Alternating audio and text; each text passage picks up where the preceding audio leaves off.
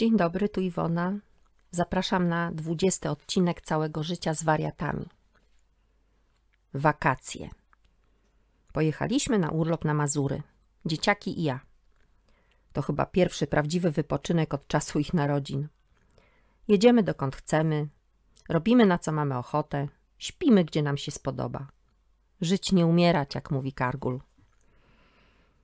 Iga i Rafał są zgodnym rodzeństwem i nawet nie kłócą się za często. Wspólnie kąpią się w basenie i wiosłują na spływie kajakowym, a wieczorem nawet w tę samą grę planszową chcą grać. Umarłam i jestem w niebie?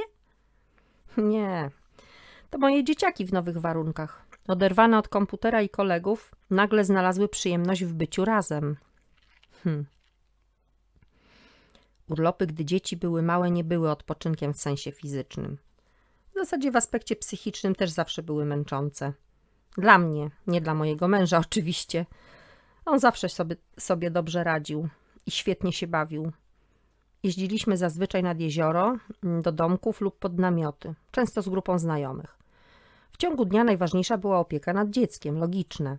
Trzeba było mieć oczy w koło głowy. Bliskość wody, las, obcy ludzie wymuszały stałą kontrolę. Drzemka poobiednia stanowiła jedyny moment wytchnienia.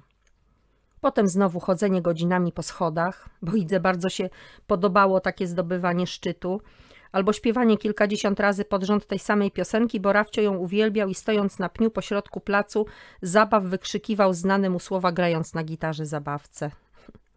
Robienie babek z piasku, które były notorycznie z radością niszczone i prośba o stawianie kolejnych, to też normalne zachowanie obojga moich dzieci.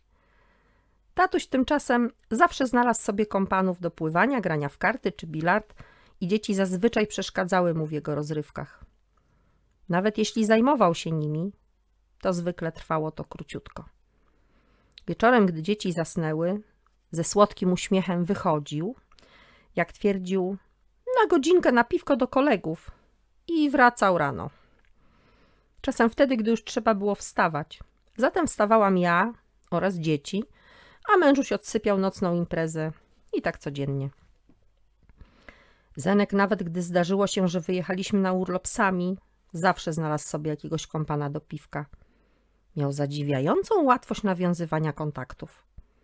Na samo wspomnienie tych wspólnych wakacji mdli mnie i czuję niepokój w żołądku. Brr! Powrót nerwicy. Na szczęście staram się nie rozmyślać zbyt często o moim poprzednim życiu.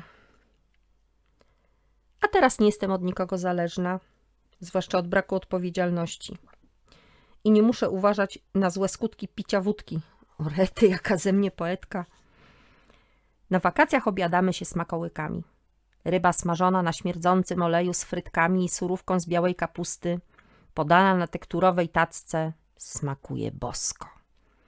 Gofry z bitą śmietaną ociekające sosem o smaku tofi, który oblepia nasze palce podczas jedzenia – są najsmaczniejszym deserem świata.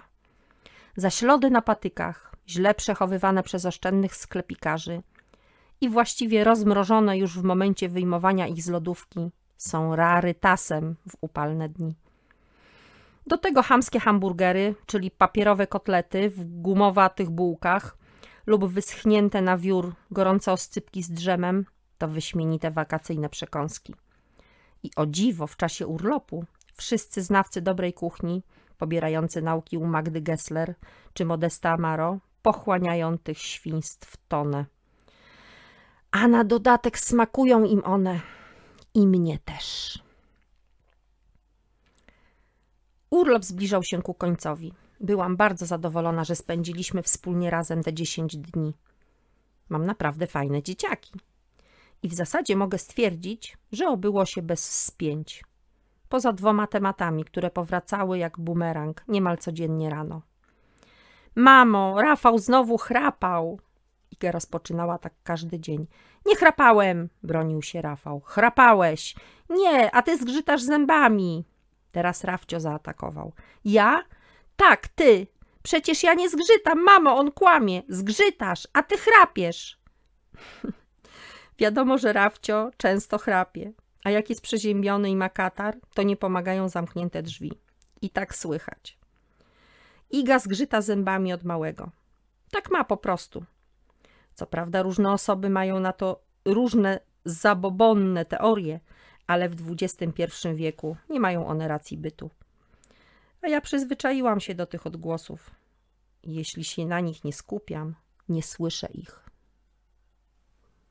Na tym koniec odcinka 20.